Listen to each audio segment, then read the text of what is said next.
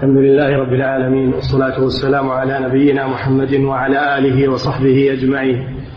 أما بعد قال المؤلف رحمه الله تعالى وعن عمرو بن شعيب عن أبيه عن جده قال قال رسول الله صلى الله عليه وسلم لا كفالة في حد رواه البيهقي بإسناد ضعيف. بسم الله الرحمن الرحيم الحمد لله صلى الله وسلم على نبينا محمد. وعلى آله وصحبه وبعد. هذا الحديث في موضوع الكفالة. الكفالة هي التزام التزام رشيد إحضار من عليه حق مالي. وهي كفالة في بدن. الضمان هذا يكون في مال وأما الكفالة فهي تكون في بدن. بمعنى أن يلتزم شخص أن يحضر الشخص الذي عليه الحق عندما يحتاج إلى إحضاره. هذه هي الكفالة. وتكون في الحقوق المالية من الديون والقروض والالتزامات المالية. أما الحدود جمع حد. والحد يطلق ويراد به كل ما أمر الله به ونهى عنه. الأوامر والنواهي حدود الله. الأوامر قال الله جل وعلا تلك حدود الله فلا تعتدوها. والنواهي قال الله تعالى تلك حدود الله فلا تقربوها. فما نهى الله عنه فإنه منهي عن قربانه. أبلغ من النهي عنه لأنه نهي عن الشيء والسبب الموصل إليه. وأما الأوامر فإن الله جل وعلا يقول لا تعتدوها. يعني تثر عند حدود ما أحل الله جل وعلا. ويطلق الحد ويراد به العقوبة وهو المراد هنا. الحد هو العقوبة المقدرة شرعا في معصية لتمنع من الوقوع في مثلها. الذنوب على قسمين. ذنوب نهى الله عنها وتوعد عليها وهي سائر المحرمات. وذنوب نهى الله عنها وتوعد عليها ورتب عليها عقوبات في الدنيا لتردع من الوقوع في مثلها. وذلك كحد الزنا وحد السرقة حد القذف وحد الردة حد المسكر.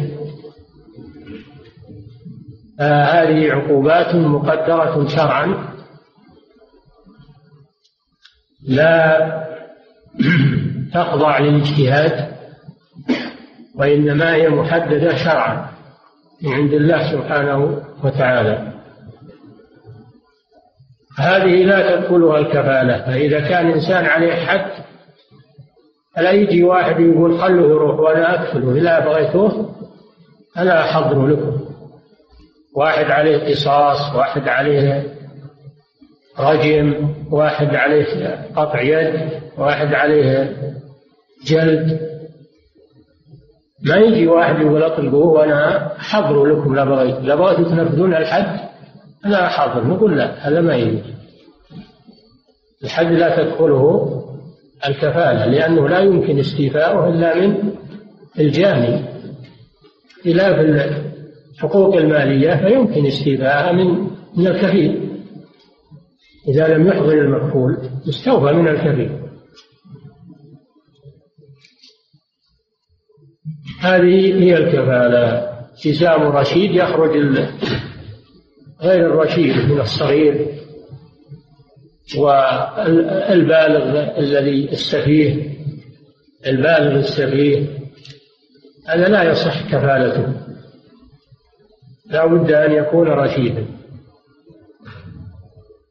لأن هذا التزام والالتزام لا يكون إلا من رشيد.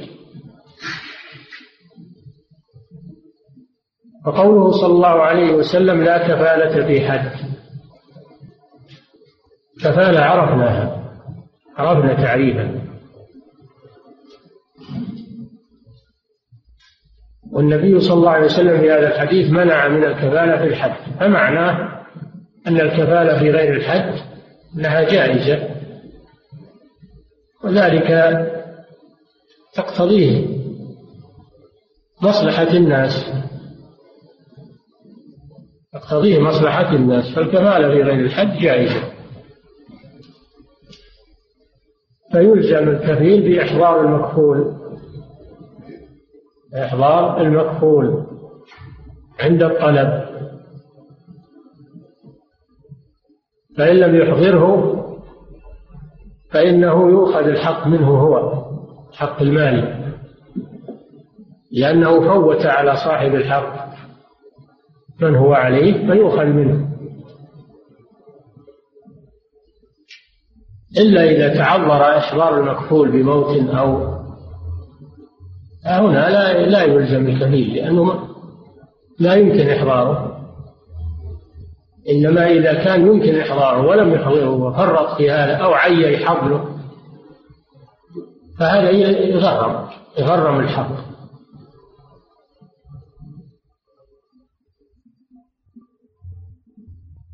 من أجل ضبط حقوق الناس وعدم التلاعب بها. هذه هي الكفالة. نعم. وقد تكون الكفالة قد تكون الكفالة في المعرفة فقط.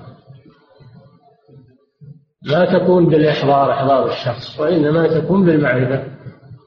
فيقول أنا أعرف لكم فلان أعرف مكانه وعنوانه هذه كفالة وجه يسمونها كفالة وجه. بمعنى أنه يعرف الشخص يعرف قبيلته يعرف أسرته يعرف مكانه وعنوانه من أجل يدل السلطة عليه عند الحاجة فهذه كفالة بالوجه إن كان معها تزكية قال أنا أعرفه وأنا أزكيه أو موثوق وثقة.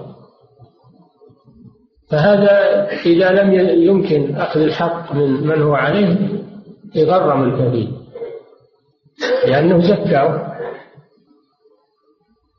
أما إذا لم يكن معها تزكية مجرد معرفة وجه فقط هذا لا يغرم شيئا ولا يلزم بالإحضار. وأنا ما التزمت بالإحضار. أنا التزمت إني أدلكم عليه فقط. فهذا ليس عليه إلا الدلالة عليه فقط. وأما إحضاره وأخذ ما عليه فهذا إلى السلطة. نعم. باب الشركة والوكالة. الشركة بفتح الشين وكسر الراء ويجوز العكس. يجوز العكس كسر الشين وإسكان الراء فيقال شركة قال شركة ويقال شركة وهي الاجتماع الشركة في اللغة الاجتماع والاختلاط. قال تعالى وإن كثيرا من الخلطاء لا يبغي بعضهم على بعض. خلطاء يعني الشركاء. يسمى الشريك ويسمى الخليط يسمى الشركة وتسمى الخلطة وهي الاجتماع. وهي على نوعين. اجتماع في استحقاق واجتماع في اجتماع في استحقاق واجتماع في عقود. الاجتماع في الاستحقاق يسمى شركة الأموال الأملاك. شركة الأملاك. كاجتماع الشركاء في دار أو في قصر أو في مزرعة تكون مشتركة بينهم أو في مصنع. هذه شركة شركة أملاك. شركة أملاك. إذا كانت الدار أو السيارة أو المزرعة مشتركة أو المصنع هذه الأشياء مشتركة بين أشخاص مملوكة لهم هذه شركة أملاك.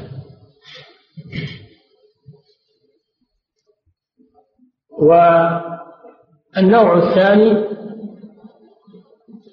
شركة في عقود تسمى شركة العقود وهي الاجتماع في التصرف اجتماع في تصرف. الأول اجتماع في استحقاق وهذا اجتماع في تصرف أو يسمى شركة العقود. وهي المقصودة هنا هي المقصودة هنا. شركة العقود. وهي أنواع شركة العقود أنواع خمسة عند الفقهاء. النوع الأول إذا كان المال من شخص والعمل من شخص هذه شركة مضاربة. المال من شخص والعمل من شخص. كان يقول خذ هذا المال اتجر به وما ربح فهو بيننا الربح بيننا. هذه شركة مضاربة. والنوع الثاني الاجتماع في المال والتصرف. يشتركان في المال كل واحد يقدم مال وكل واحد يعمل. يشتركان في المال والعمل. هذه تسمى شركة عنان. شركة عنان. لتساويهما لتساويهما في المال وفي التصرف. شركة عنان. مثل تساوي الخيل في السباق وفي المشي. هذه شركة عنان. إذا اشترك في المال والعمل فهي شركة عنان. قالوا نجمع ما عندنا من من الأموال ونشتغل فيها على حد سواء. كلنا نشتغل فيها. نبيع ونشري وندين وكذا. هذه شركة عنان. وأما إذا كان الاشتراك فيما يكسبان بالبدن فقط ما في عمل ما في مال ما في مال ما معهم مال أصلا. ما معهم مال. لكن قالوا نشترك فيما نحصل نبي نشتغل عند الناس واللي نحصل نحن شركاء فيه هذه تسمى شركة أبدان. شركة الأبدان يشتركان في أبدانهما فيشتغلان وما حصل من العمل أو من أخذ المباح من المواد الحطب والعشب ويكون شركاء فيه. أو في المغنم في المعركة إذا اشتركا في المغنم فيما يحصلان عليه من الغنيمة هذه تسمى شركة الأبدان. وإن اشتركا فيما يتحملان فيما يتحملان من من العقود والمقاولات ما معهم مال لكن يشتركان في الذمم فقط. ما معهم مال. ولكن يشتركان في الذمم بأن يتحمل للناس مقاولات وعقود. هذا مشارك اشتراك في الذمم سمى شركة الوجوه. سمى شركة الوجوه لأنهم اشتركا فيما يكسبان بوجوههما. يتحملان يتحملان العهد من الناس.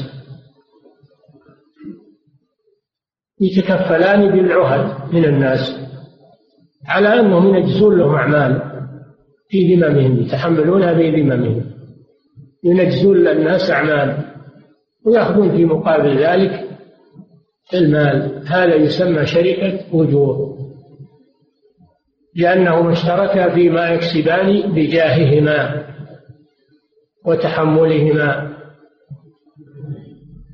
مثل ما لو فتح دكانا وصار يستقبلان ما يدفع إليهما للبيع والشراء. ما معهم شيء هم. افتحوا محل وما معهم شيء يستقبلون من الناس. يستقبلون من الناس ما يدفع إليهم لأجل النداء عليه والحراج عليه ومساوقته في الأسواق. يكونون هم المسؤول المسؤولين عن عن هذا المال وعن تصريفه. هذه تسمى شركة وجوه لأن الناس دفعوا إليهم المال بموجب وجاهتهم و وثقتهم عند الناس. هذه تسمى شركة وجوه. وإن اشتركا في الكل اشتركا في الكل اشتركا في الأموال والأعمال والتعهدات والأبدان هذه تسمى شركة المفاوضة لأن كل واحد فوض إلى الآخر كل تصرف مالي وبدني. فإذا اشترك في كل تصرف مالي أو بدني أو جاهي فهذه شركة المفاوضة. إذا تكون الشركات أنواع الشركات شركات العقود خمسة أنواع. شركة مضاربة شركة عنان شركة أبدان شركة وجوه شركة مفاوضة. والأصل في الشركة أنها جائزة لأن الأصل في المعاملات الحل إلا ما دل الدليل على منعه وقد قال الله تعالى وإن كثيرا من الخلطاء ليبغي بعضهم على بعض. والخلطاء هم الشركاء. فدل على أن الشركة جائزة في كتاب الله جائزة في كتاب الله سبحانه وتعالى. ومن السنة الحديث الذي سيذكره المصنف وقد أجمع العلماء على جواز الشركة وهي من أنواع التعاون من أنواع التعاون على الخير والبر والتقوى. قال الله جل وعلا وتعاونوا على البر والتقوى الإنسان يحتاج إلى المعونة من أخيه. هذا التعاون تعاون على على على الخير مطلوب وطلب الرزق هذا من الخير طلب الرزق. والكسب الحلال هذا من الخير. الشركة فيها تعاون على الخير. فهي جائزة من ناحية العقل أيضا. جائزة جائزة شرعا وعقلا. نعم.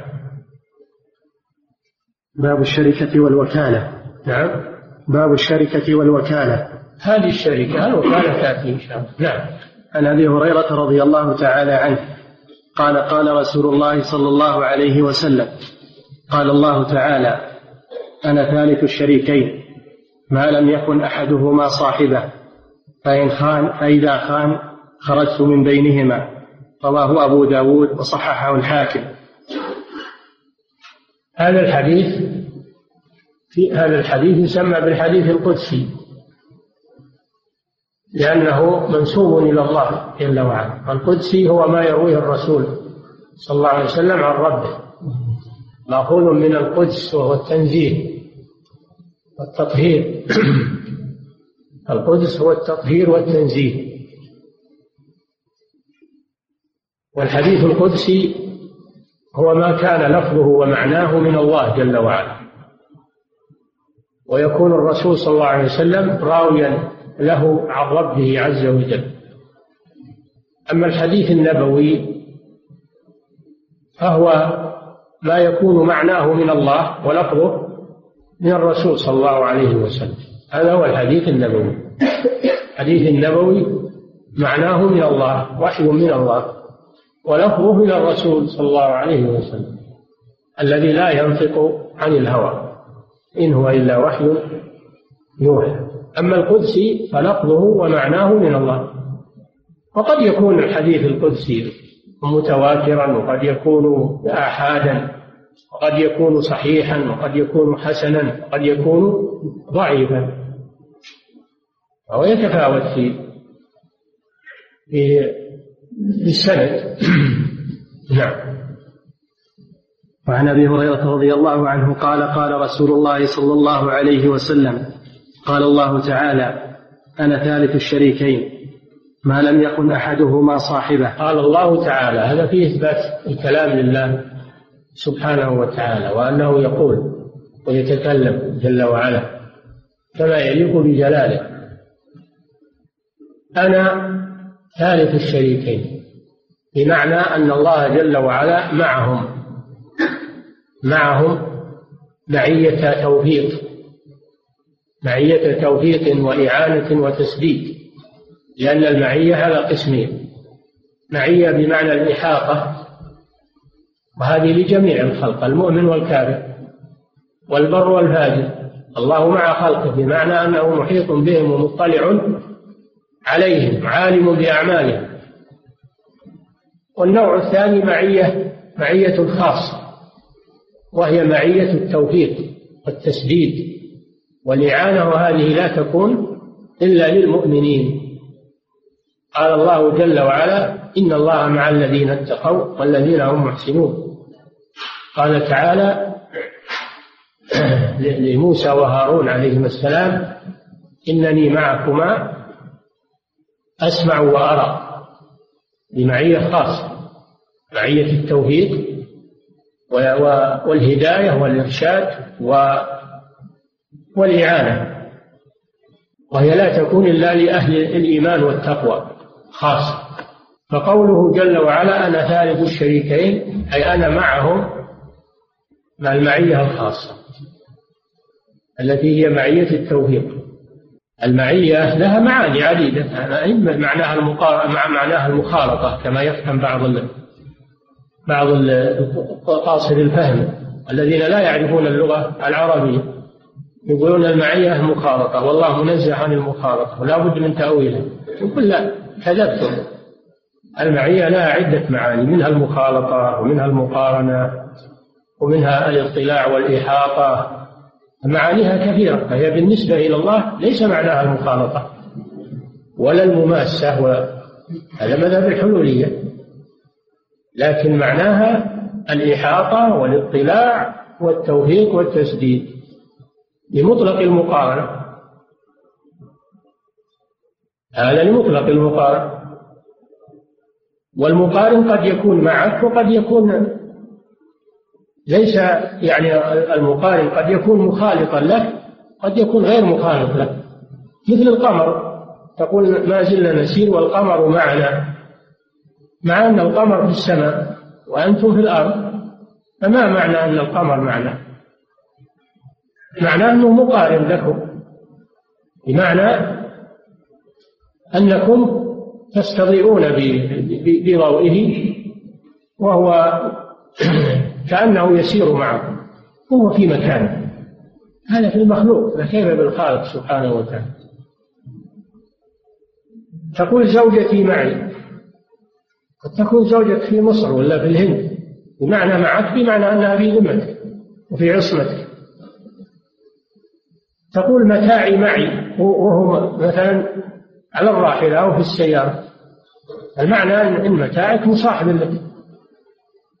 متاعك مصاحب له ولو لم يكن مماسا لك أو في يدك أو في جيبك. المعية معناها واسع. فهي بالنسبة لله عز وجل معية إحاطة وعلم و أو معية توفيق وهداية وإعانة. هذا معنى المعية في حق الله جل وعلا وليس فيها تأويل كما يزعم بعض الناس. هذولا ما يفهمون اللغة العربية ولا يعرفون مشتقاتها ومعانيها.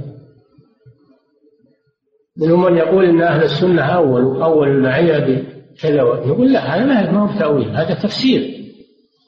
هذا تفسير لمعنى المعية. المعية لها عدة معاني نحن فسرناها بما يليق بالله جل وعلا من معانيها. فسرناها بما يليق بالله من معانيها التي تدل عليها. ولم نؤولها. وهذا الحديث هذا من المعية الخاصة وهي أنه جل وعلا ثالث الشريكين بمعنى أنه معهم يوفقهم ويبارك في كسبهم ويعينهم معية خاصة وأما قوله تعالى ما يكون من نجوى ثلاثة إلا ورابعهم ولا خمسة إلا هو سادسهم ولا أدنى من ذلك ولا أكثر إلا هو معهم هذه المعية العامة معية الإحاطة فهو جل وعلا مع الخلق مع الخلق كلهم أفرادا وجماعات. لا يخفى عليه شيء من شؤونهم ومن أعمالهم. نعم. فهذا الحديث فيه أولا إباحة الشركة فيه إباحة الشركة في الإسلام.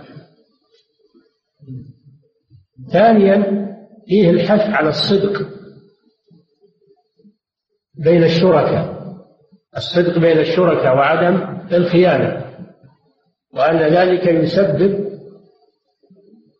نماء المال وبركة المال وأن الله يوفقهم لوجوه الكسب الطيب ويعينهم.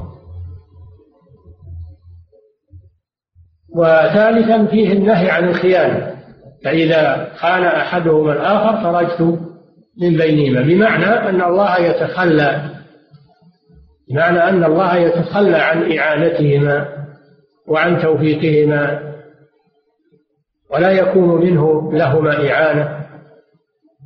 ومن تخلى الله عنه فإنه خاسر تخسر بضاعتهم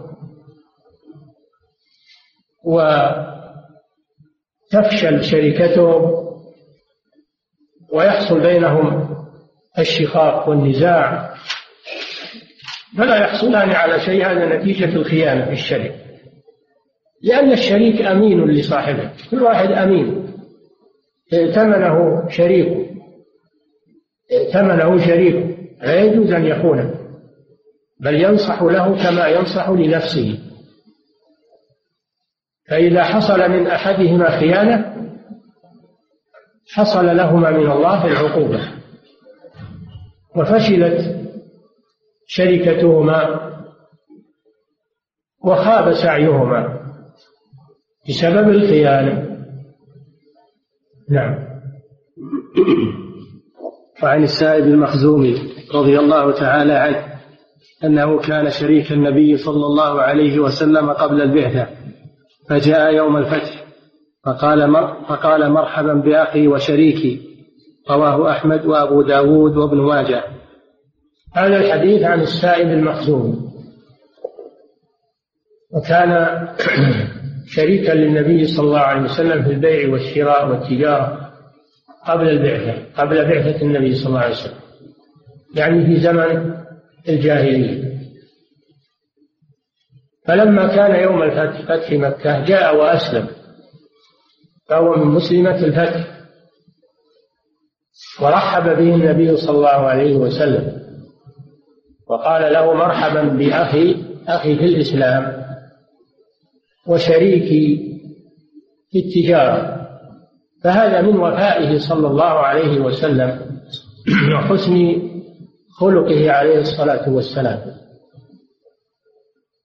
فقد أثنى على هذا الرجل ورحب به وقال كان لا يداري ولا يماري.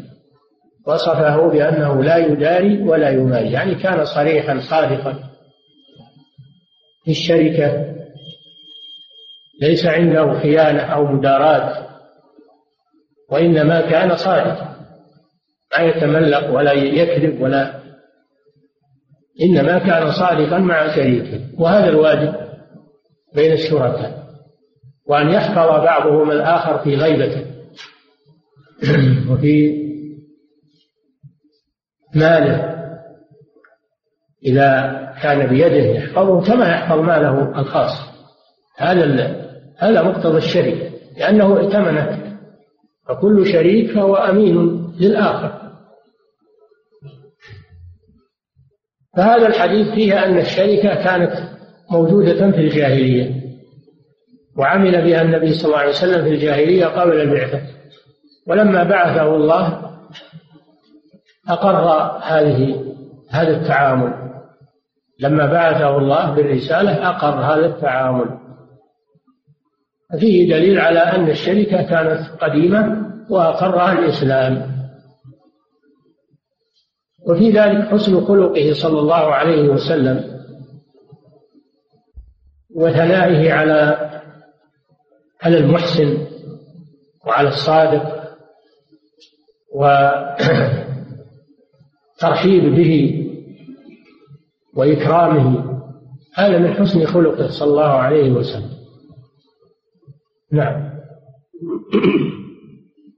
وعن عبد الله بن مسعود رضي الله عنه قال اشتركت أنا وعمار وسعد فيما نصيب يوم بدر الحديث وتمامه فجاء سعد بأسيرين ولم أجئ أنا وعمار بشيء رواه النسائي وغيره. هذا الحديث عن عبد الله بن مسعود رضي الله عنه أنه اشترك هو وسعد بن أبي وقاص وعمار بن ياسر رضي الله عنهم فيما يصيبون من المغنم يوم بدر يوم وقعة بدر. هذا فيه دليل على جواز الشركة الأشخاص شركة الأبدان على جواز شركة الأبدان. لأن هؤلاء الصحابة ليس معهم مال وإنما اشتركا فيما يحصلان عليه من من الغنيمة. هذا يسمى شركة الأبدان وهو أن يشترك اثنان فأكثر فيما يكسبان بأبدانهما. من أي نوع من أنواع الكسب؟ أجرة أو ما يحصلان عليه من من المغانم في الجهاد أو ما يحصلانه من المباحات كالاحتشاش والاحتطاب والصيد وغير ذلك. هذه شركة الأبدان وهي جائزة بنص هذا بنص هذا الحديث لأن الرسول صلى الله عليه وسلم أقرهم أقرهم على ذلك. وجاء سعد بأسيرين ولم يجد عمار وابن مسعود بشيء وشرك بينهما النبي صلى الله عليه وسلم. بموجب العقد الذي أبرماه عليه أنه اشتركا فيما يصيبان أو فيما يصيبون سواء أصابوا كلهم أو أصاب بعضهم. فهم شرك تعاقدوا على هذا. ولا وش فائدة الشركة؟ إذا صار أنهم ما يشتركون إلا إذا أصابوا كلهم ما ما ما صار الشركة ذلك لكن الكلام على إذا أصاب بعضهم وأخطأ البعض الآخر. فيحكم بينهم بالشركة بموجب العقد. هذه شركة الأبدان. نعم. وعن جابر بن عبد الله. وبقية أنواع الشركات مذكورة في كتب الفقه. نعم. وعن جابر بن عبد الله رضي الله تعالى عنهما قال أردت الخروج إلى خيبر. فأتيت النبي صلى الله عليه وسلم فقال إذا أتيت وكيلي بخيبر فخذ منه خمسة عشر وسقا رواه أبو داود وصححه. هذا الحديث في الوكالة. انتهى من قضية الشركة حديث هذا للوكالة الوكالة. لغة التفويض لغة التفويض والاعتماد. ومنه التوكل على الله بمعنى تفويض الأمور إليه الاعتماد عليه سبحانه وتعالى. والله هو الوكيل. حسبنا الله ونعم الوكيل. أي المفوض إليه أمور العباد. فهو الوكيل أي المفوض إليه والموكول إليه سبحانه أعمال العباد. والوكالة بين الناس هي أن يفوض بعضهم إلى الآخر أن يفوض بعضهم إلى الآخر التصرف التصرف المالي. فالوكالة إذن هي تفويض تفويض جائز التصرف غيره تفويض جائز التصرف غيره فيما تدخله النيابة. تفويض جائز التصرف غيره فيما تدخله النيابة. يخرج بجائز التصرف الذي لا يجوز تصرفه كالصغير والسفيه والمحجور عليه. هذا غير جائز التصرف فإذا وكل أحد ما ينفذ ما تصح وكالته فيما تدخله النيابة يخرج الشيء اللي ما تدخله النيابة كالعبادات البدنية. العبادات البدنية والحقوق المتعلقة بالبدن لما تدخلها النيابة؟ كالصلاة والصيام ما تدخلها النيابة. لأنها مطلوبة من العبد فلا يوكل غيره فيها. لا يوكل واحد يصلي عنه ولا يوكل واحد يصوم عنه. هذه مطلوبة منه هو أو يوكل واحد يشهد عنها لا إله إلا الله وأن محمدا رسول الله ما تدخل النيابة هذا عمل بدني. مطلوب من الشخص فلا ينوب عنه غيره فيه. فيما تدخله النيابة يخرج. العمل الذي لا تدخله النيابة هذا لا تجوز الوكالة فيه. هذه هي الوكالة. تعريفها. وهذا الحديث عن جابر رضي الله عنه أنه لما أراد السفر إلى خيبر أمره النبي صلى الله عليه وسلم أن يأتي وكيله وكيل النبي صلى الله عليه وسلم في خيبر الذي وكله في جباية المال. جباية المال الذي يحصل لبيت المال من من الزكاة ومن العشور التي تكون لبيت المال. النبي صلى الله عليه وسلم وكل من يجبيها ويجمعها من الناس.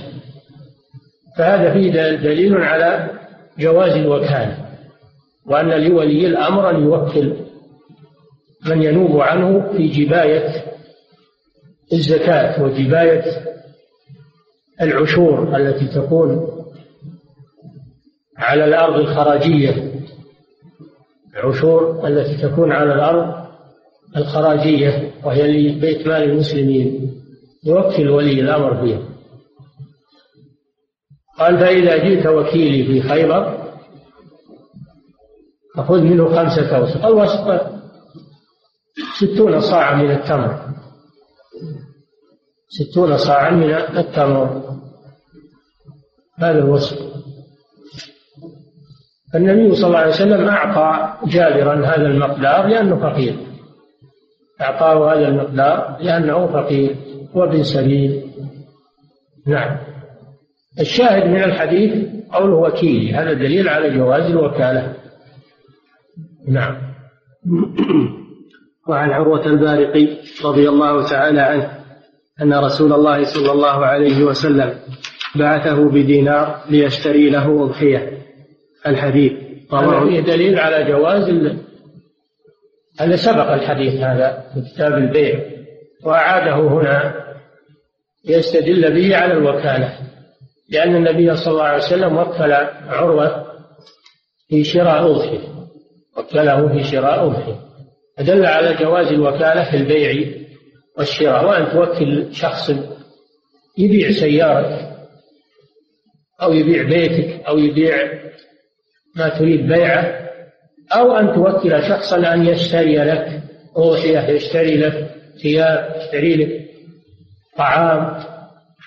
دل على جواز الوكالة في البيع والشراء لأن النبي صلى الله عليه وسلم وكل عروة في شراء أضحية والذي قبله فيه دليل على أن لولي الأمر أن يوكل من يقوم بجباية الأموال. التي لبيت المال. نعم. الحديث رواه البخاري في أثناء حديث وقد تقدم. قدم في كتاب البيع. نعم. وعن أبي هريرة رضي الله تعالى عنه قال بعث رسول الله صلى الله عليه وسلم عمر على الصدقة. الحديث متفق عليه. وهذا أيضا دليل على جواز الوكالة أن النبي صلى الله عليه وسلم وكل عمر على جباية الصدقة بعثه على الصدقة. ففي دليل أن للإمام أن يوكل من يقوم بجباية الزكاة من الناس. لأن الرسول صلى الله عليه وسلم وكل عمر. لأن ولي الأمر ما يستطيع يباشر كل الأعمال.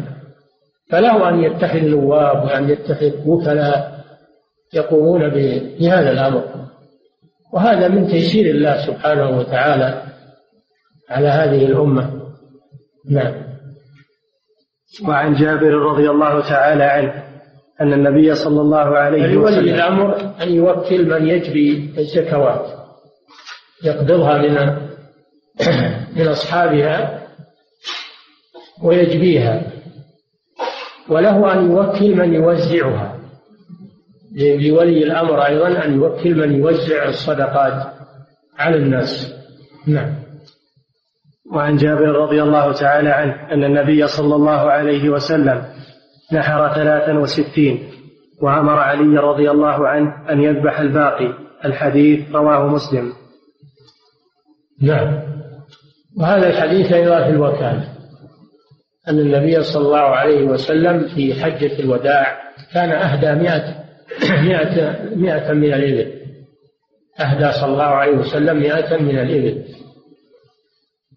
فلما كان يوم النحر نحر منها صلى الله عليه وسلم ثلاثا وستين بيده عليه الصلاة والسلام. ثم وكل عليا رضي الله عنه في نحر البقية وكمل المياه هذا في جواز التوكيل في ذبح الهدي وذبح الأضحية وذبح العقيقة. فيه جواز التوكيل في ذبح ذبح الهدي ذبح الأضحية ذبح العقيق وأن ذلك جائز كما لو ذبحها الموكل. هذا مقصود إرادة الحديث هنا. نعم فالوكالة تدخل في العبادات المالية. الوكالة تدخل في العبادات المالية وهذه عبادة مالية. ولك توكل من يخرج زكاة مالك يحصي مالك ويخرجها ويوزعها على الناس لك توكل الحقوق المالية والعبادات المالية يجوز التوكيل فيها بخلاف العبادات البدنية. وكذلك العبادات المالية البدنية يجوز التوكيل فيها مثل الحج. الحج عبادة مالية وعبادة بدنية يجوز التوكيل توكل من يحج.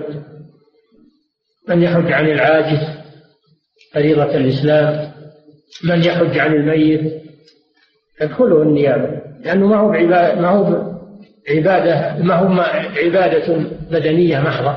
الحج ليس بدنيا محضا بل فيه مالي أيضا. تدخله النيابة. وكذلك العمرة. العمرة مالية بدنية. تدخلها أيضا النيابة. نعم. فالحاصل أن العبادات البدنية لا تدخلها النيابة مثل الصلاة والصيام وكل ما يتعلق بالبدن. وأما العبادات المالية محضة المركبة من المالية والبدنية هذه تدخلها النيابة. كما وكل النبي صلى الله عليه وسلم عليا أن ينحر عنه بقية الهدي وهو عبادة مالية. نعم. وعن أبي هريرة رضي الله عنه في قصه في قصة العسير قال النبي صلى الله عليه وسلم واغد يا أنيس على امراه هذا فإن اعترقت فارجمها. الحديث متفق عليه. الحديث في قصة العسيف الاجيب العسيف هو الأجيب والقصة هي أن أن هذا العسيف يعني هذا الأجيب وقع على امرأة المستاجر بالزنا هذا هذا العسيف زنى بامرأة الذي استأجره. فتصالح تصالح أبو الغلام مع مع زوج المرأة على أن يدفع له مالا. فصالحوا. وجاء يسأل النبي صلى الله عليه وسلم عن هذا الصلح. فأبطل النبي صلى الله عليه وسلم هذا الصلح لأنه صلح عن إقامة الحد والحدود ما يدخلها الصلح. ولا تدخلها الشفاعة. لا بد من إقامتها. لا شفاعة ولا مسامحة ما يجوز أيضا المسامح فيها ولا يدخلها الصلح. إذا ثبتت فلا بد من إقامتها. فأبطل النبي صلى الله عليه وسلم هذا الصلح لأنه صلح يعطل الحد الشرعي وأمر برد المال على صاحبه. وقال اغدوا يا أنيس إلى امرأة هذا يعني الزوج الذي تصالح مع أبي الغلام. اذهب إلى امرأة هذا فإن اعترفت فارجمها.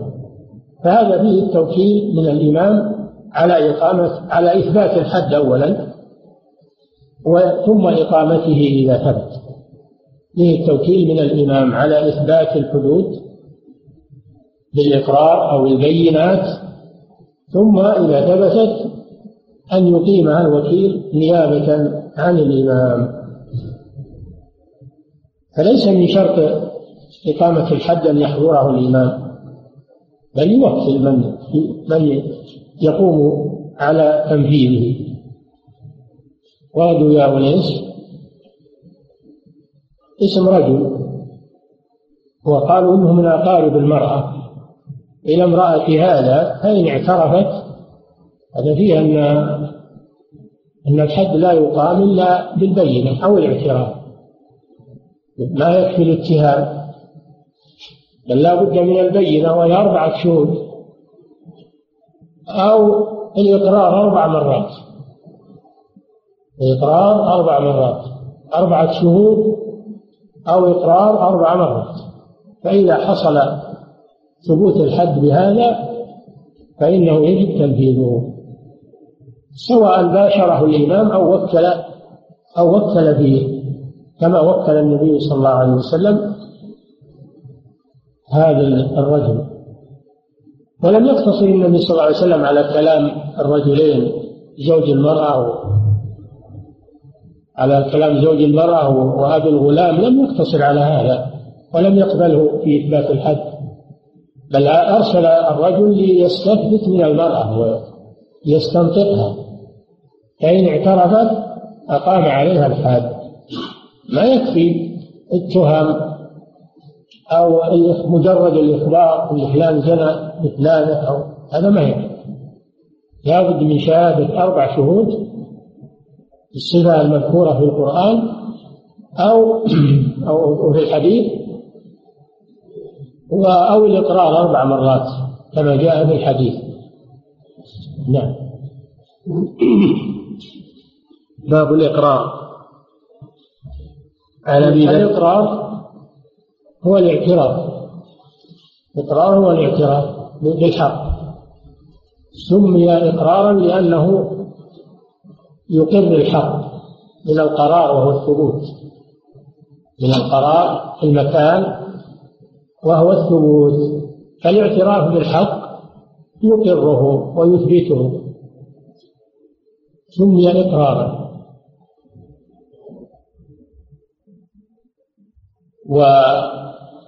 والإقرار هو أحد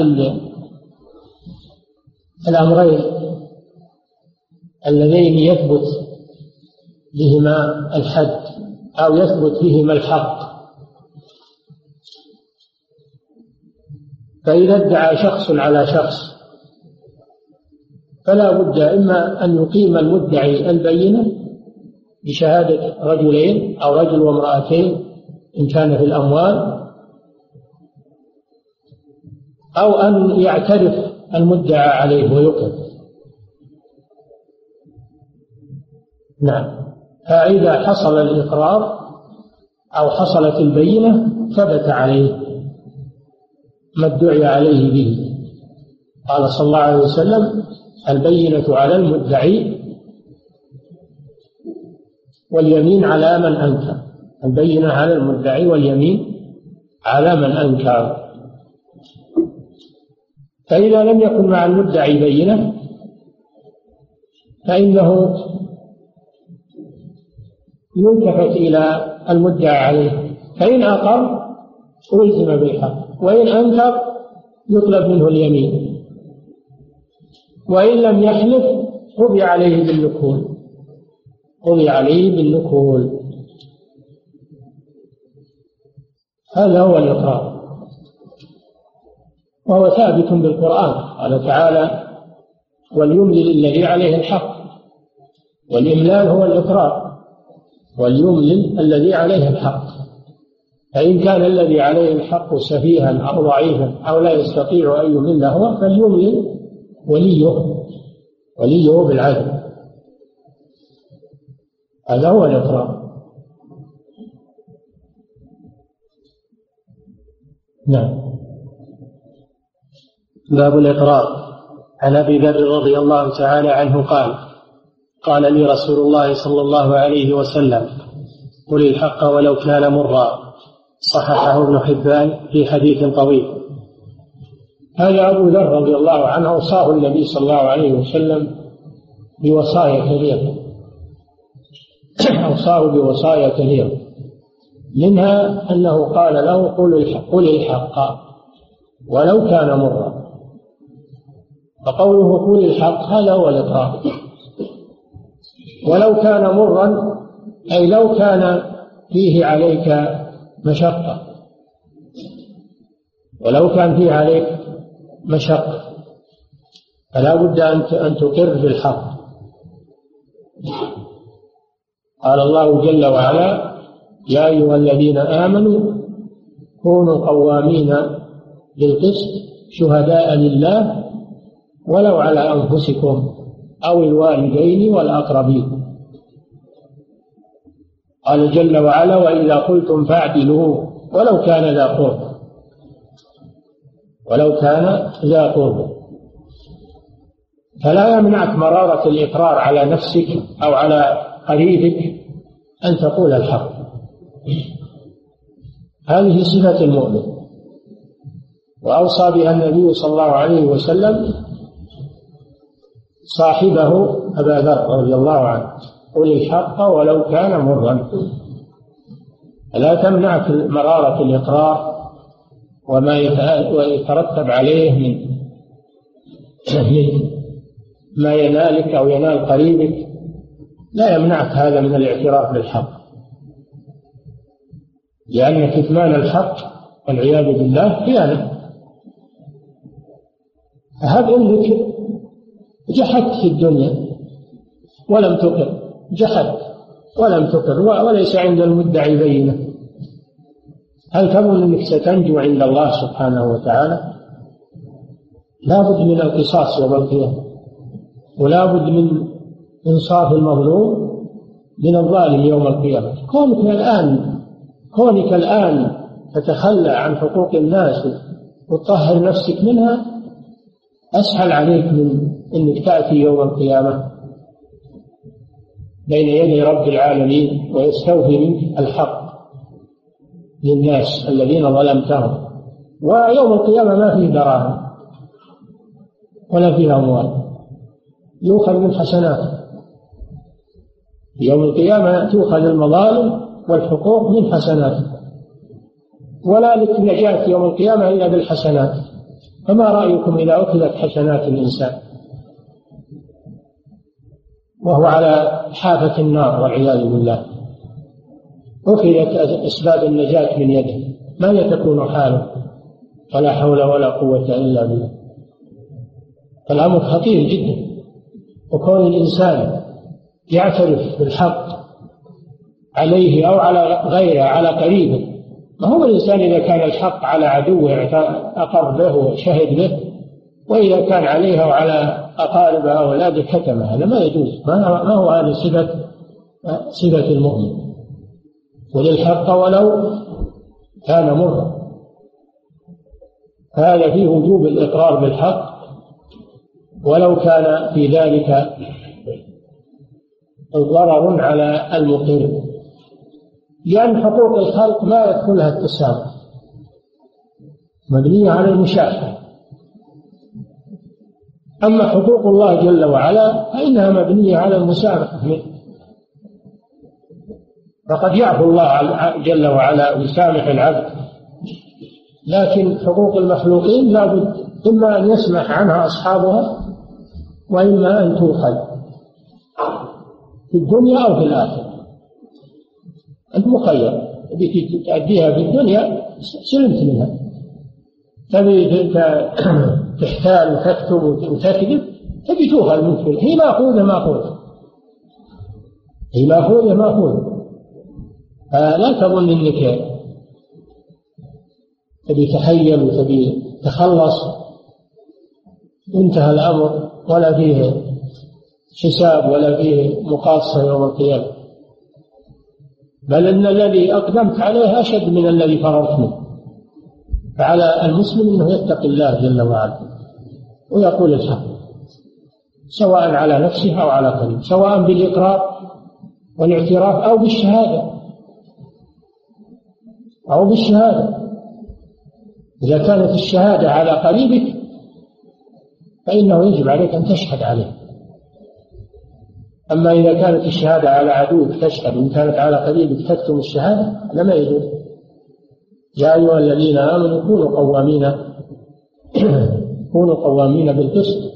شهداء لله ولو على أنفسكم أو الوالدين والأقربين كونوا قوامين لله شهداء بالقسط ولا يجرمنكم شنآن قوم على أن لا تعدلوا اعدلوا هو أقرب للتقوى. الشاهد من هذا الحديث أن فيه وجوب الإقرار بالحق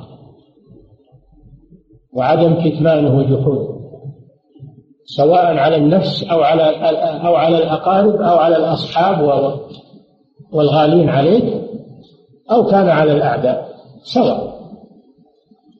العدل سواء ما فيه تفريق حتى مع العدو يجب عليك العدل. حتى مع الكافر يجب العدل في حق الكافر ولا يجوز ظلمه.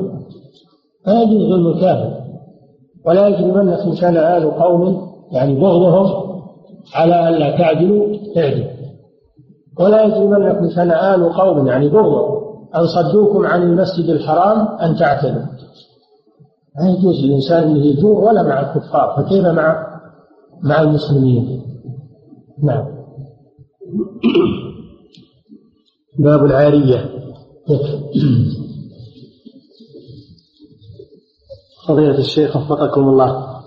ذكرتم أن الفرق بين الحديث القدسي والحديث النبوي أن الحديث القدسي لفظه ومعناه من الله. فما الفرق بينه وبين القرآن؟ فروق. بينه وبين القرآن فروق. أولا أن القرآن متواتر. والحديث القدسي قد يكون متواترا وقد يكون آحادا وقد يكون صحيحا وقد يكون حسنا وقد يكون ضعيفا. هذا أحد الفروق. الفرق الثاني أن القرآن متعبد بتلاوته. ولا تغير ألفاظه. يقرأ في الصلاة أما الحديث القدسي فليس متعبدا بتلاوته. ما ما هو مطلوب منك أنك تتلوه تردده مثل ما تردد القرآن أو تقرأه في الصلاة يقول هذا كلام الله تقرأه في الصلاة بدل القرآن؟ لا هو كلام الله لكن ما شرع الله لك أنك تقرأه في الصلاة. بل أمرك بقراءة القرآن فاقرأوا ما تيسر من القرآن. ثم اقرأ ما تيسر معك من القرآن. هذا من أعظم الفروق عدا أن الحديث القدسي غير متعبد بتلاوته بخلاف القرآن فإنه متعبد بتلاوته. من الفروق أن القرآن لا يمسه إلا طاهر. حديث القدسي يجوز تمسه على غير طهارة نعم. نعم. فضيلة الشيخ وفقكم الله. شركة الأبدان هل يكون الربح بينهما بالسوية أم حسب الاتفاق؟ حسب الاتفاق. شركة ما هو بالربح؟ هذا الكسب. ما هو بالربح يسمى؟ الربح يكون في شركة المضاربة وشركة العنان أما شركة الأبدان ما فيها ربح فيها كسب فقط حسب ما يتفقان عليه. يقسم الكسب حسب ما يتفقون عليه. نعم. فضيلة الشيخ وفقكم الله. هل يؤخذ من جواز ومشروعية التوكيل في تفريق الصدقات ما يعمل الآن من إعطاء الجمعيات الخيرية صدقات الفطر لتعطيها الفقراء وكذلك إعطاءهم مالا ليذبحوا أضحية ويوزعوها. أرجو توجيه فضيلتكم. الصدقات إنما تدفع لمن وكله ولي الأمر للعمال الذين يوكلهم ولي الأمر. هذا هو الذي ورد عن النبي صلى الله عليه وسلم. أنه كان يبعث العمال ويبعث السعاة. فإذا إذا ولي الأمر وكل عامل أو عمال بجباية الصدقات زكاة الأموال أو صدقة الفطر فإنها تدفع إليهم لأنهم وكلاء عن عن الإمام. أما إذا كانت جمعيات متبرعة من نفسها هذه وسيط فقط ما هي ما هي بوكيلة وسيط. وسيط بينك وبين الفقير. نعم. فضيلة الشيخ وفقكم الله هل حديث قل الحق ولو كان مرا يلزم منه أن يذهب الشخص أن يذهب إلى المحكمة كل من ارتكب حدا ليقام عليه ويطهره فيعترف أم يستر على نفسه أفضل؟ لا هذا من الحقوق المالية يجب عليه أن يبينها أنه يبينها لا سيما إذا استنطقه القاضي يجب عليه أن يعترف بالحق. حقوق المالية أو غيرها من حقوق الناس. وأما ما يوجب الحدود فكون الإنسان يستر على نفسه أحسن. كون الإنسان يتوب كون الإنسان يتوب إلى الله ويستر على نفسه أحسن من أنه يروح ويعترف عند القاضي ليقام عليه الحد. نعم. فضيلة الشيخ وفقكم الله كيف نجمع بين حديث أنا ثالث الشريكين ما لم يكن أحدهما صاحبه وقوله تعالى ولا تزر وازرة وزر أخرى ما بينهم تعارض؟ هذيك إنه ما يحمل أحد جريمة غيره ما يحمل أحد جريمة غيره. والحديث هذا ليس فيه إنه يحمل جريمة غيره حتى يتعارض. هذا فيه ان أن معونة الله وتسديده تكون مع صدق الشريكين فيما بينهما. فإذا لم يصدقا فإن الله يتخلى عنهما أو لم يصدق واحد منهم تخلى الله عنهما لأن الشركة تكون غير قائمة على الصدق. نعم. فضيلة الشيخ وفقكم الله هل يجوز الضمان بأجر؟ وكذلك هل تجوز الكفالة بأجر؟ لا. الضمان عقد إرفاق كما بينته لكم سابقا عقد إرفاق يقصد منه إعانة المحتاج. وعقود الإرفاق لا يؤخذ عليها عوض في الدنيا وإنما يقصد بها صاحبها الأجر عند الشفاعة الشفاعة الحسنة والقرض والضمان كل هذه عقود إرفاق يقصد بها الأجر. لا يجوز للإنسان أن يأخذ عليها مقابل دنيوي. نعم.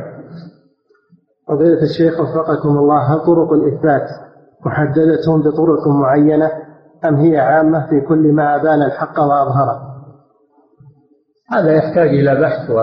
لكن المنصوص عليه ما ذكره النبي صلى الله عليه وسلم. البينة على المدعي واليمين على من أنكر.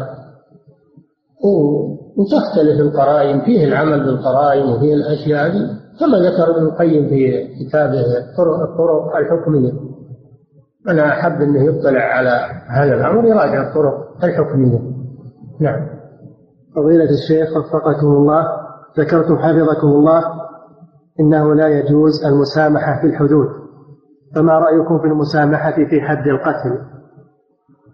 حد القتل هذا حق للمخلوق. تجوز المسامحة فيه لأنه حق للمخلوق. بل, بل هو مرغب في العفو في القتل في القصاص. أما حد السرقة وحد الزنا وحد الشرب هذا حق لله ما يجوز فيه المساواة نعم. فضيلة الشيخ وفقكم الله هل يجوز للمسلم أن يشارك الكافر في تجارة ونحوها؟ يجوز نعم. يجوز أن يشارك المسلم الكافر بشرط أن الكافر ما ينفرد بالعمل. يكون باطلاع المسلم لئلا يتعامل الكافر بالمحرمات. يكون باطلاع المسلم. يراقب عليه. نعم. وهل يحق للكفار أن يتملكوا في جزيرة العرب بحجة الاستثمار والتجارة؟ لا هذا ما يجوز. النبي صلى الله عليه وسلم أمر بإخراج الكفار من جزيرة العرب.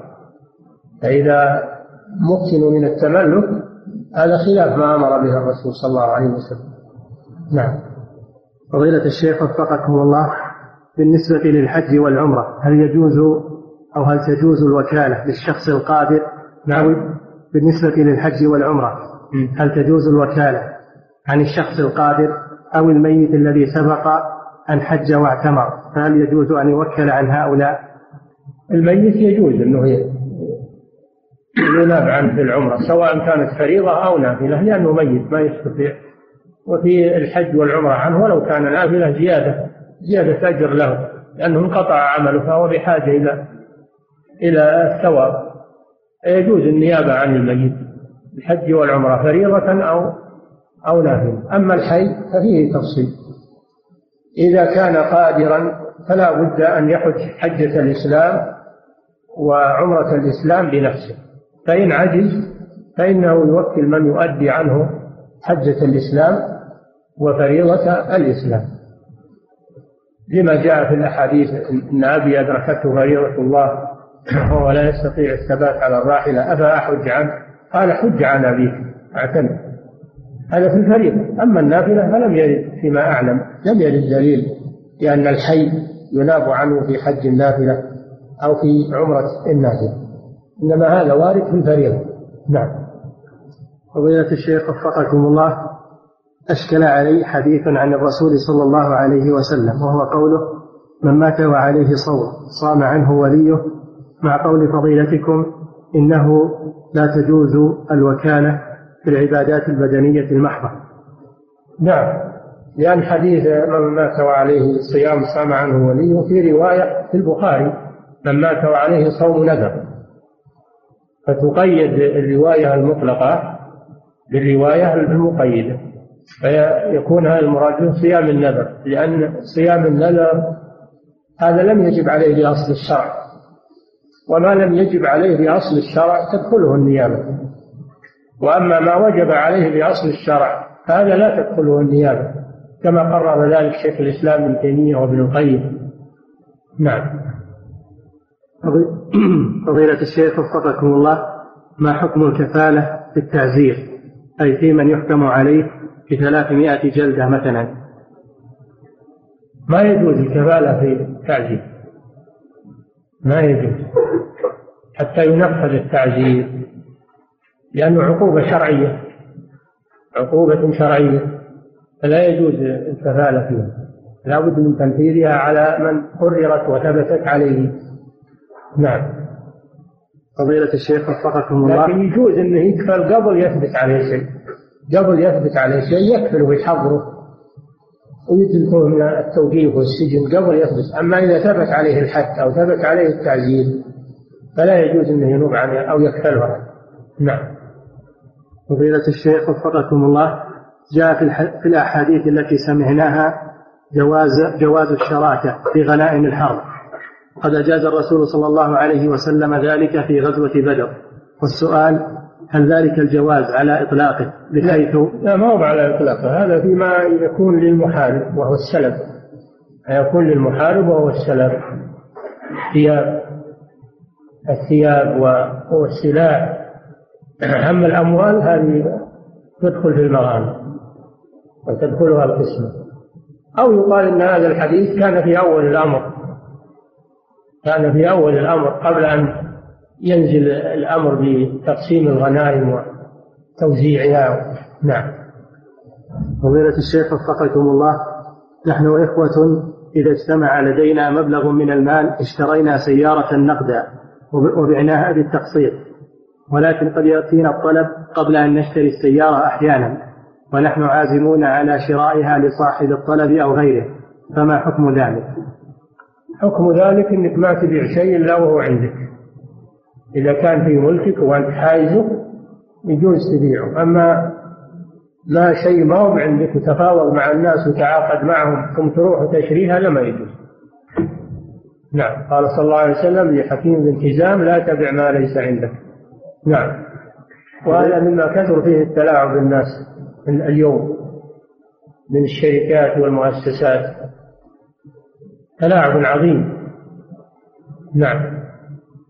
فضيلة الشيخ وفقكم الله. قول بعض الناس توكلت عليك هل هذا جائز بالنسبة للأشخاص؟ لفظ التوكل لا يقال إلا في حق الله. وعلى الله فتوكلوا إن كنتم مؤمنين. أما أما التوكيل يجوز. تقول وكلت فلان أو وكلتك توكيل لا بأس. أو فوضتك ما يخالف. أما لفظ التوكل بالذات فهذا لا يجوز إلا في حق الله جل وعلا. وعلى الله فتوكلوا هذا حصر إن كنتم والتوكل من أعظم أنواع العبادة. التوكل من أعظم أنواع العبادة. فلا يجوز أنه يطلق على غير الله؟ نعم. فضيلة الشيخ وفقكم الله دخلت في مساهمة بمبلغ نصف مليون ريال ثم تبين أن صاحب المساهمة متلاعب وقد أكل الأموال. فأيهما أفضل؟ العفو عنه في الدنيا وتحليله أو المقاصة منه يوم القيامة؟ أظنك عاجز عاجز عنه إن كان لك قدرة على أخذ حقك وسامحته هذا طيب العفو مطلوب. أما أن تسامحه لأنك عاجز هذا ما ما له قيمة. العفو هذا ما له قيمة. نعم العفو إنما يكون عند المقدرة. نعم. فضيلة الشيخ وفقكم الله. بعض الله كان عفوا قديرا. لاحظوا هذا. كان عفوا قديرا. العفو عند القدرة. نعم. فضيلة الشيخ وفقكم الله. بعض الشركات تمنع نسخ أشرطة الكمبيوتر الأصلية والبعض الآخر لا يمنع. فنجد أن بعض الأشرطة قيمتها 600 و 700 ريال النسخة الأصلية. ونجدها نسخة مقلدة بعشرين ريالا. فهناك مغالاة في السعر وفرق كبير بين هذه الشركات. فما حكم من اشترى النسخة المقلدة ولكنه لم ينسخها هو؟ إن كانت النسخة مسروقة ما يجوز لك تشتريها لأن هذا من الأصل. هذا أخذ لحقوق الناس فلا يجوز لك تشتريها أما إذا كانت النسخة معلول فيها فلا مانع من تداولها رخيصة أو غالية نعم. فضيلة الشيخ وفقكم الله. عندي مبلغ كبير من المال وهذا المبلغ لوالدي وقد توفي رحمة الله عليه. وأريد أن أعمل بهذا المبلغ عملا خيريا. فهل أبني به مسجدا أم عندي مبلغ كبير من المال. وهذا المبلغ لوالدي وقد توفي رحمة الله عليه. وأريد أن أعمل بهذا المبلغ عملا خيريا. فهل أبني به مسجدا أو أتبرع بهذا المبلغ لصالح المجاهدين في الشيشان وخاصة أنهم في أمس الحاجة. إن كان هذا المبلغ وصية ثلث فأقل. إن كان هذا المبلغ وصية بثلث فأقل أنت تنفذه على ما أوصى. تنفذه على شرط الموصي. لا تنفذه على حسب رغبتك أو حسب اجتهادك وإنما تنفذه على شرط الموصي. أما إن كان هذا المال ما هو وصية؟ خلفه الميت ولا وله وصية هذا للورثة. لا يجوز التصرف فيه. هذا لورثة الميت. يقاسمونه على كتاب الله عز وجل. نعم. فضيلة الشيخ وفقكم الله. قول من يقول بأن الجهاد في الشيشان فرض عين على كل شخص قادر هل هذا القول صحيح؟ وما حكم القنوت لهم؟ هذا يحتاج إلى معرفة حقيقة الشيشان وما هم عليه وعقيدتهم. لا ندري عن هالأمور. لكن نحسن بهم الظن إن شاء الله. وأما الجهاد ما هو واجب. إلا لو حصر البلد الذي بلد المسلمين الذي أنت فيه. بلد المسلمين الذي أنت فيه عدو. يكون الجهاد فرض عين أما الجهاد في غير حصار البلد أو استنفار الإمام يعني ما يجب الجهاد على الأعيان إلا في ثلاث صور. الصورة الأولى إذا حصر البلد من عدو فيجب على كل من يستطيع الجهاد أن يجاهد الصورة الثانية إذا حضر المعركة بين المسلمين والكفار بين المسلمين والكفار فلا يجوز له الفرار يجب عليه الجهاد إذا كان يستطيع. قوله تعالى يا أيها الذين آمنوا إذا لقيتم الذين كفروا زحفا فلا تولوهم الأدبار. ومن يولهم يومئذ دبره إلا متحرفا لقتال أو متحيزا إلى فئة فقد باء بغضب من الله ومأواه جهنم وبئس المصير. وهذا يسمى الفرار من الزحف وهو كبيرة من كبائر الذنوب. الصورة الثالثة إذا استنفره الإمام يجب عليه إذا كان يستطيع يجب عليه. بقوله صلى الله عليه وسلم وإذا استنفرتم فانفروا. يقول جل وعلا وأطيعوا الله وأطيعوا الرسول وأولي الأمر منكم. هذا من طاعة ولاة الأمور بغير معصية أما ما عدا هذه الصور الثلاث فالجهاد فرض كفاية. إذا قام به من يكفي بقي في حق الباقين سنة. هذا إذا تحقق الجهاد من الجهاد في سبيل الله. لكن نحن ما ندري عن حقائق هالناس الله أعلم لكن نحسن الظن بهم وندعو لهم بالنصر. وإلا ما نعرف حقيقتهم في الواقع. نعم. فضيلة الشيخ وفقكم الله. نويت أن أقوم بعمرة في هذا الأسبوع وأشار علي البعض أن أتركها إلى شهر آخر حتى لا يكون في عملي مشابهة لأهل البدع. نعم. نويت أن أقوم بعمرة في هذا الأسبوع وأشار علي البعض أن أتركها إلى شهر آخر حتى لا يكون في عملي مشابهة لأهل البدع. الذين يعتمرون في السابع والعشرين من هذا الشهر رجب. نعم صحيح. أجل العمرة إلى أن تزول هذه هذه الشبهة لأن اللي يعتمدون رجب هم المبتدعة. فأنت اجتنب هذا لا تشاركهم. ولو كنت أنت ما قصدت هذا لكن فيه مشاركة لهم مشابهة لهم. فأجل العمرة إلى غير رجب. نعم. فضيلة الشيخ وفقكم الله. بعض البنوك تهدي عملاءها الذين يودعون أموالهم عندها لحفظها بعض الهدايا كالحقائب والأقلام والتقاويم. فما الحكم في أخذ هذه الهدايا؟ وكيف نرد على من وصف المنكر على من أخذها بأنه موسوس ومتشدد؟ هذا حيلة هذا يعملون حيلة إلى الاستثمار الربوي. لما شافوا أن المسلمين ما يبون الاستثمار الربوي احتالوا عليهم بهذه الهدايا من أجل أن يرغبوهم في الإيداع. وهذه دعاية للبنك من أجل الناس يقبلون عليه بالودائع علشان يحصلون على هذه الهدايا الهدايا هذه ربا ما تجوز. استثمار ربوي حيلة على الربا. فلا تجوز. ويقولون ما يقولون موسوسين أو يقولون ما شاءوا. هذا لا يجوز. نعم. فضيلة الشيخ وفقكم الله. ولا نعلم أنهم يهدون حقائب ويهدون أخلاق ويهدون طيب وقور ويهدون. هذه حيل حيل باطلة. نعم. فضيلة الشيخ وفقكم الله مسح اليدين بالوجه. حتى أنهم يهدون كتب. يهدون كتب من كتب العلم. كل هذه حيل باطلة. نعم.